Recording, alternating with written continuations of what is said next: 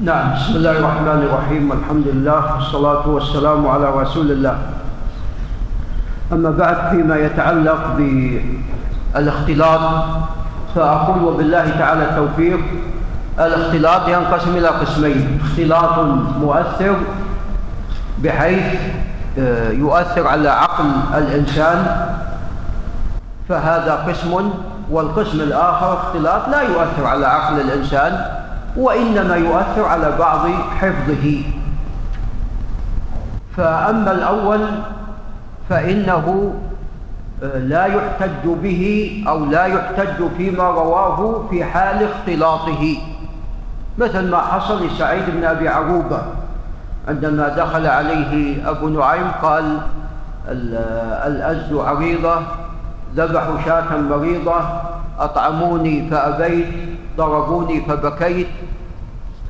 فهذا تغير في العقل ومثل هذا كما تقدم آه، فيما حدث به في أثناء اختلاطه فإنه يرد. نعم. وأما إذا لم يعرف له أما إذا لم يكن هناك تمييز ما بين قبل الاختلاط وما بين بعد الاختلاط فهذا يترك. ولا أعرف أحدا بهذه الصفة.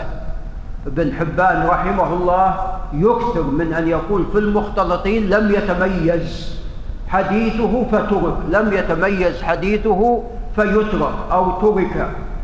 ولكن تجد أن حديث هذا الراوي متميز. يعلم من حدث عنه قبل الاختلاط ويعرف من حدث عنه بعد الاختلاط. أما القسم الثاني فهذا لا يجب رد حديث الشخص. نعم. كما هو حال كما هو حال أبي إسحاق السبيعي وسفيان بن عيينة. قد عمر وكبر ولذا قد وصفهم من وصفهم بالاختلاط. أما بالنسبة لأبي إسحاق فوصفه أكثر من شخص. وأما بالنسبة لسفيان بن عيينة فقد وصفه يحيى بن سعيد بذلك. فهذا الاختلاط إنما هو عبارة عن تغير في الحافظة فقط تغير بعض الشيء. ففي مثل هذه الحالة يكون حديث هذا الراوي حديث صحيح حتى يتبين خلاف ذلك. حتى يتبين خلاف ذلك. نعم كان سفيان بن عيينة إذا سئل مرة أبو نعيم سأل قال حدثنا بهذا الحديث على غير ما حدثنا به الآن. قال عليك بالسماع الأول. فلا شك أن السماع الأول هو الأصح. فعندنا يكون صحيح وأصح. عندنا صحيح وأصح. وهذه القضية كثير من المعاصرين أخطأ فيها. من حين يرى الراوي قد وصف بالاختلاط يرد حديثه. وهذا ليس بصحيح. كما هو بالنسبة لحال أبي إسحاق. تجد أن بعض المعاصرين يقولون في هذا الإسناد أبو إسحاق وقد اختلط وهو موصوف بالتدليس ولم يصرح بالتحديث هنا ويعلون بهاتين العلتين وكلاهما ليست بصحيحتين. وأما بالنسبة لأصحاب الأهواء تقدم لنا إذا كان صاحب الهوى معروفا بالصدق ومعروفا بالضبط فإنه يصحح حديثه أو يحتج بحديثه فلنا صدقة وعليه بدعته بدعة نعم ننكر هذه البدعة ويحذر آه، من هذه البدعة وأما ما يتعلق بروايته فإنه يحتج بها وتقبل. نعم إذا ثبت صدقه وإذا ثبت ضبطه لما يحدث به. كما هو بالنسبة لحال يعقوب بن عباد الرواجني فإن حديثه مستقيم. نعم. نعم بالنسبة لمن حدث ونسي هذا كما تقدم على قسمين. القسم الأول أن لا ينكر ما نسب إليه من التحديد وإنما يقول أنا لا أذكر فقط. عندما لا ينكر ما, ما نسب إليه وإنما يقول أنا لا أذكر فهنا هذا قولا واحدا آه، يروى هذا الحديث عنه من قبل هذا الشخص الذي يجزم بأن فلان قد حدثه. لأن الشخص قد يحدث فينسى. هذا إذا كان يقول لا أتذكر. القسم الثاني إذا كان ينكر يقول لا أبدا لم أحدث بهذا الحديث قط. فهذا فيه خلاف. هناك من أهل العلم ممن رده وقال هنا آه، تضاد فتساقط. هذا يقول حدثني والثاني يقول لم أحدثه. فتعارضت الحجتان فتتساقط في هذه الحالة. هذا قول والقول الثاني إن كان والقول الثاني أنه يقبل أنه يقبل لأنه يعني يحمل على أنه قد نسي. والأقرب الأول الأقرب الأول إذا كان الشيخ ينكر يقول أبدا لم أحدث بهذا الحديث البتة. اللهم إلا إذا كان مثل قتادة كما في قصة كثير من أبي كثير. نعم. أو مثل الأعمش يعني هؤلاء حفاظ كبار. نعم. فهنا نعم يقبل ما رووه عن شيوخهم حتى ولو أن الشيخ أنكر قال لم أحدث بذلك. نعم. نعم هذا بالنسبة للغريب طبعا تعريف الإمام الشافعي معروف. وهو ليس ليس الشاذ أن يروي الشخص ما لم يروه غيره وإنما الشاذ هو أن يروي الشخص ما يخالف به غيره. هذه صورة من صور الشاذ. هذه صورة من صور الشاذ. وهذه متفق عليها بين أهل العلم على رد آه، ما رواه في مثل هذه الحالة عندما يروي شيئا يخالفه غيره. أو يخالفه الأكثر. يخالفون فيما روى. هذا أمر متفق عليه. الأمر الثاني الذي هو كثير هو أن يروي الشخص حديثا يتفرد به أو زيادة في حديث يتفرد بها. فهذا أيضا يدخل في الشاذ ويدخل في المنكر. نعم. ومن ذلك مثلا ما رواه سليمان التيمي عن قتادة في حديث أبي موسى الأشعري فإذا قرأ فأنصتوا. إذا قرأ فأنصتوا. فسليمان التيمي ثقة مشهور ولم يروي شيئا يخالف به غيره. يخالف به غيره على تعريف الفقهاء لكن عند المحدثين هنا خالف لأنه أتى بشيء لم يتابع على روايته أو لم يتابع على هذا الخبر الذي رواه. ولذا هشام الدستوائي وسعيد بن أبي عروبة وهمام وشعبة وفلان رووا هذا الحديث ولم يذكروا هذا الحرف. فلذا أنكر هذا الحديث جمع من الحفاظ. نعم كالإمام البخاري وأبو داود السجستاني وأيضا أبو بكر بن خزيمة وغيرهم من الحفاظ وأبو حاتم وغيرهم من الحفاظ. نعم فهذا مهم. ومثال آخر على ذلك ما رواه برد بن سنان عن الزهري عن عروة عن عائشة. ما رواه برد بن سنان عن الزهري عن عروة عن عائشة. أن الرسول صلى الله عليه وسلم كان في مرة من المرات كان يصلي فضربت عائشة الباب فكان الباب في قبلته عليه الصلاة والسلام فتقدم إلى الباب ففتح لها ورجع ولا زال يصلي. هذا الحديث أيضا حديث منكر. برد بن سنان تتابع الأئمة على توثيق الجمهور على توثيقه. نعم علي بن المديني تكلم فيه. نعم. وأما الجمهور فهم على توثيقه.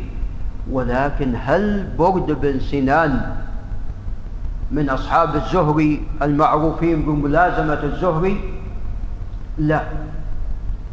ولذا قال أبو حاتم هذا خبر منكر لا يحتمل الزهري يعني لا يحتمل أن يكون هذا حديثا من حديث الزهري لأنه لو كان كذلك كان رواه كان وجدت أن مالكا رواه أو شعيب بن أبي حمزة أو سفيان أو عقيل بن خالد أو آه، يونس بن يزيد الأيلي وأمثال هؤلاء.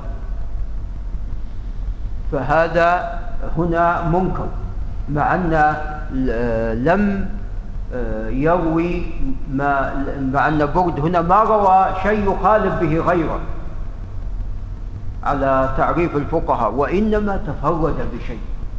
فالخلاصة أن الغرائب الغريب هو الفرد والغرابة كما تكون في الإسناد تكون في المتن. تكون تكون في الإسناد أو تكون في المتن أو يكون الحديث غريبا سندا ومتنا. والغرابة التي في المتن إما في لفظة منه أو في كل المتن. نعم. ومن الغرابة في المتن أن يكون هذا المتن مخالفا لنصوص الشريعة. يعني كما جاء في ما رواه هذا عندنا خبر غريب متنا وسندا رواه حماد بن سلمة عن أبي العشراء الدارمي عن أبيه أن الرسول عليه الصلاة والسلام قال أن الزكاة لو طعنت في فخذها لأجزأك. ليست الزكاة ليست الزكاة لا تكون إلا في اللبة وإنما لو طعنت في فخذها لأجزأت عنك. هذا منكر الزكاة لا تكون إلا بالنسبة للإبل النحر يكون في اللبة نحرها نعم الإبل تنحر كما تعلمون. نعم فلذا يعني احتاج بعض أهل, أهل العلم إلى أن يؤول هذا الحديث فقال هذا في الصيد. قال هذا في الصيد يعني أو لو ند البعير فهنا يعامل معاملة الصيد. هو الخبر منكر سندا ومنكر متنا منكر من حيث الإسناد هو غريب ولا يعرف أبو العشراء الدارمي نعم ولا يعرف أبوه إلا في هذا الخبر والمتن أيضا متن منكر. نعم. يعني أحيانا أيضا من الغرابة التي تكون في الإسناد يكون هؤلاء الرواة لا يعرف. بعضهم برواية عن بعض. الآن لو روى الأعمش عن أبي صالح عن أبي هريرة معروف هذا الإسناد ولا غير معروف؟ معروف. أو مثلا أبو الزناد الأعرج عن أبي هريرة هذا معروف. إلى آخره. هناك أسانيد لا يعرف. هناك من الغرابة عندما يكون الراوي لا يعرف غير معروف برواية عن شيخه هذا الذي هنا موجود في الإسناد ولا الشيخ عن شيخه. فهذه أيضا غرابة وهذه قليلة. هذه موجودة هذه الغرابة ولكنها قليلة. نعم. ومن الغرابة تقدم في حديث أبي موسى الأشعري ثلاثة لا يرفع لهم دعاء أو لا يقبل لهم دعاء. ذكر منهم رجلا كانت عنده امرأة سيئة الخلق فلم يطلقها. هذا غريب. فاللفظ هذا مخالف للنصوص نصوص الشريعة. فاللفظ غير مستقيم. فالغرابة أنواع منها ما هو صحيح ومنها ما هو آه، مردود. ولذا تعلمون أبو عيسى كثير ما يقول حسن صحيح غريب حسن صحيح غريب وأحيانا يقول حسن غريب صحيح وأحيانا صحيح غريب وأحيانا غريب صحيح وغريب حسن وحسن غريب المهم بالنسبة حسن غريب وغريب حسن يعني هذا لا يحتج به عنده في الغالب. ولكن حسن صحيح هذا صحيح. ولذا هناك أحاديث أحاديث آه، تفرد حديث عفوا في الصحيحين غريبة منها طبعا المشهور حديث الأعمال بالنيات. نعم. فلم يروه إلا يحيى بن سعيد الأنصاري ولا يحيى ولا عن يحيى. نعم لم يروه إلا عمر ولا عن عمر إلا علقمة ولا عن علقمة إلا محمد بن الحارث التيم محمد بن إبراهيم بن الحارث التيمي ولا عنه إلا يحيى بن سعيد الأنصاري. ثم انتشر واشتهر. نعم من الأحاديث الغريبة التي في الصحيحين حديث ابن عيينة آه، حديث ابن عيينة عن عمرو بن دينار عن يعلى عن أبيه اللي قال عندما خرجه الترمذي قال هذا حديث ابن عيينة قال هذا حديث ابن عيينة. نعم فالشيخان وأبو عيسى أيضا حتى أبو عيسى صححه. نعم. والمذاهب في الغريب تنقسم إلى ثلاثة أقسام. قسم لا يلتفتون إلى مسألة الغرابة. لا يلتفتون. مثل المعاصرين. لعل الشيخ حسن ينتبه المعاصرون اليوم لا يعرفون مسألة الغرابة. لا يعرفون مسألة الغرابة. عندما يقول اسناد يكون كان ماذا؟ لو حتى كان الإسناد فرد خلاص رجال رجال ثقات خلاص. فكان ماذا؟ لو كان الإسناد فرد لا هذا كان كيف كان ماذا؟ هذا يعني أمر ليس بال رحمك الله. فنعم. فالفقهاء لا يلتفتون إلى مسألة الغرابة. نعم. هذا المذاهب الفقهاء نعم لا يعتبرون مسألة الغرابة. فهذا مذهب والمذهب الذي يقابله من يتشدد يعني بعض التشدد أو يتشدد تشدد أكثر من غيره في مسألة الغرابة مثل البرديجي أبو بكر البرديجي نعم حتى أنه قال لو تفرد يعني شعبة بحديث عن قتادة أو هماء أو عفوا شعبة أو سعيد أو هشام بحديث ولا يعرف هذا الحديث إلا من هالطريق يقول يتوقف فيه. وأبو جعفر العقيلي تكلم في حديث الإمام بضع وسبعون شعبة تفرد به عبد الله بن دينار عن أبي صالح عن أبي هريرة. فقال إن عبد الله بن دينار ليس من يعني الحفاظ المشهورين. فكأنه توقف في الحديث صحيح خرجه الشيخان. نعم. فهذا مذهب وممن يسير على هذا يعني أحيانا يحيى بن سعيد القطان. نعم. كما ذكر الحافظ أبو رجب. والمذهب الذي بينهما هو مذهب البخاري علي بن المديني والبخاري ومسلم وأبو الحسن الدار قطني نعم وأبو عيسى الترمذي نعم. ترى الترمذي أشد من البخاري في مسألة الغرابة. الترمذي أشد من البخاري. أبو عيسى أشد من الترمذي في مسألة الغرابة. بارك الله فيك. الترمذي أشد من البخاري في مسألة الغرابة. نعم. تفضل. نعم طبعا مسألة الغلط يعني عندنا الثقة هذا معروف. يحتج بحديثه. عندنا يقابله الذي ليس بثقة المتهم هذا ساقط حديثه. عندنا ما بين هذا وذاك. إنسان يهم لكن الغالب على حديثه الاستواء.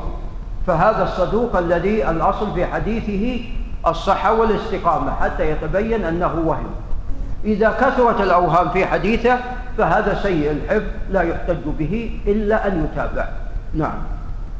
طبعا قول اكتب أن من يخطئ في عشرة عشرين ثلاثين خمسين هذا يختلف. في بعض الرواة آه، الخطأ يؤثر عليهم وبعض الرواة عشرة أخطاء عشرين خطأ لا يؤثر على حديثهم. شخص حافظ يروي الآلاف أخطأ في خمسين هذا لا يؤثر عليه. شخص حديث واحد يؤثر عليه يروي حديثين أو ثلاثة وأخطأ في حديث يعني نصف حديثه أو ثلث حديثه قد أخطأ فيه. فهنا يؤثر عليه. فجواب يا عبد الرحمن بن مهدي هذا في من هو مكثر نعم. نعم طبعا لا شك أن التلقين هو آه، يعني كصورة له مثل الإمام عندما يتوقف في آية مثلا فيرد عليه من خلفه. لقنه. هذا في القرآن العظيم هذا لا بأس به كما تعلمون. وأما في الحديث هو أن أيضا يتوقف المحدث الذي يحدث من حفظه فيلقن. فهذا يعتبر جرح لأن هذا التلقين ليس من كتابه. لأن هذا التلقين ليس من كتابه. فحدث بحديث ليس من حديثه أو بزيادة أو بتصحيح لفظة ليست من حديثه. ولكن هناك صورة من التلقين مقبولة. لا تعتبر جرحا وهو عندما يلقن المحدث من كتابه. أبو بكر بن أبي داود من الحفاظ الكبار عندما آه، تقدمت به السن وأصابه العمى كان إذا أراد أن يحدث صعد على المنبر وكان ابنه تحت المنبر فكان يذكر والده. من كتاب أبي بكر بن أبي داود من كتابه. فهذا ليس بجرح هذا ليس بجرح لكن بشرط أن يكون الملقن ثقة. قد يلقنه شيئا ليس من آه، حديثه ليس من كتابه. مثل وراق سفيان بن وكيع. سفيان بن وكيع صدوق. كان له وراق يدخل في حديثه ما ليس منه فيحدث سفيان بن وكيع. فنصحه, فنصحه أبو حاتم فلم يعمل بنصيحة أبي حاتم الرازي فبالتالي أصبح حديثه لا يحتج به. إذا التلقين على قسمين أن يلقن من كتابه فهذا ليس بجرح بشرط أن يكون الذي يلقنه معروفا بالثقة. القسم الثاني أن لا يكون معروفا بالثقة. القسم الثاني عفوا نعم إذا لم يكن معروفا بالثقة أو يلقنه شخصا شخص آخر ليس من كتاب هذا المحدث أو هذا الراوي فهذا يعتبر جرح. ولذا هناك من مس يزيد بن هارون ببعض الشيء. يزيد بن هارون أيضا عندما أصيب بالعمى إذا كان إذا أراد عفوا أن يحدث يقول لجاريته اقرأ علي أحاديثي من كتابه فتقرأ علي. فوجه يعني محل الاستنكار إن هذه الجارية قد تصحف قد تخطئ فقد يتلقن هذا الخطأ. ولكن يزيد بن هارون الأصل أنه من الحفاظ. لكن لو وجد حديثا من حديثه خطأ قد يرد إلى هذا السبب. قد يرد إلى هذا السبب. نعم هذا ما يتعلق بالتلقين. وأما الغفلة فالغفلة غفلتان. الغفلة المرادة المرادة هنا أو الذي يراد الحديث عنها هو غفلة في باب الرواية. غفلة في باب الرواية. مثل هذا الشيخ اللي توفى سمعنا قبل قليل. قالوا هذه الحديث أنت سمعت من شبيه قال لا سمعت من أنس بن مالك عن شبيه أنس بن مالك رضي الله عنه يروي عن شبيه أنت إذا كنت لم تسمع من شبيه إذا كيف سمعت من أنس بن مالك؟ نعم. فهذه لا شك هذه غفلة يرد بها الخبر يرد ترد بها الرواية يجرح بها الراوي. والغفلة الثانية التي ليست هي محل جرح عندما يكون غفلة في أمور لا تتعلق في باب الرواية تتعلق في باب الأمور الحياتية المعيشية. نعم. مثل ما قيل عن محمد بن جعفر محمد بن جعفر تعلمون غندر إمام. وحافظ. وجاء إليه الإمام أحمد بن معين فقالوا أخرج لنا كتابك عن شعبة فعجز أن يجد خطأ ولو خطأ واحدا. قالوا عنده غفلة في الأمور الأخرى مرة من المرات أتى بسمك إلى أهله وقال أنا على أنا أريد أن أنام فإذا أصلحتموه أخبروني أيقظوني فنام فأصلحوا السمك فأكلوه فبعد أن أكلوا قالوا ماذا نفعل؟ فأتوا ببقايا السمك ومسحوها على يديه. فعندما استيقظ قال أين السمك؟ قال قالوا له أكلته. قال لا لم أكل. قال شم يديك فشم يديه. قال ولكني لم أشبع. وأكيد رحمه الله لم يأكل. فجزما لن, لن يشبع. لم يشبع عفوا. فهذه غفلة في باب آخر. نعم. نعم. هاتي كتاب عمرو بن الحارث عمرو بن الحارث حتى أقرأه عليك فترك علي بن المدينة لأن الواجب أن يكون كتاب عمرو بن الحارث عنده ولا مو بعنده؟ سماعه على سماع بن واهب بن عمرو بن الحارث. هذا الأصل كتابه يكون عنده عند عبد الله بن وهب. يقول هات كتاب عمرو بن الحارث. أنا أقرأ عليك. هو سمع. هو هذا الكتاب سمع من من عمرو بن الحارث. لكن ينبغي أن يكون القراءة من سماعه ولا من سماع غيره؟ من سماعه. فلذا علم المديني ترك من هذا الباب. عبد الله بن وهب كان من حفاظ أهل مصر لكن كان يتساهل في المناولة والإجازة. وينام في مجلس ابن عيينة هو عارف هذه الأحاديث فينام. فتكلموا فيه من هذا الباب. ولذا قال الإمام أحمد وحديثه حديث مقارب الحق. مع أنه لم يكتب عنه الإمام أحمد لكن قال ومع ذلك حديث مستقيم. نعم فإذا كان مثل هذا فلا بأس. وأما إذا لم يكن الشخص متيقظا ولا حافظا للأحاديث فمثل هذا لا يقبل في مثل هذه الحالة أو يتوقف في روايته. بقي بس هالصفحة نقف عند كراهية أخذ الأجرة. نعم. يعني بالحديث عن نفسه وأمثاله يعني قصص حكايات وقعت له. هذه الأمر فيها يعني يسير. ليس في حديث رسول الله صلى الله عليه وسلم الذي يجب أن يكون الإنسان متيقظا. ولذا بالنسبة للبلهيعة كما تقدم لا يحتج به.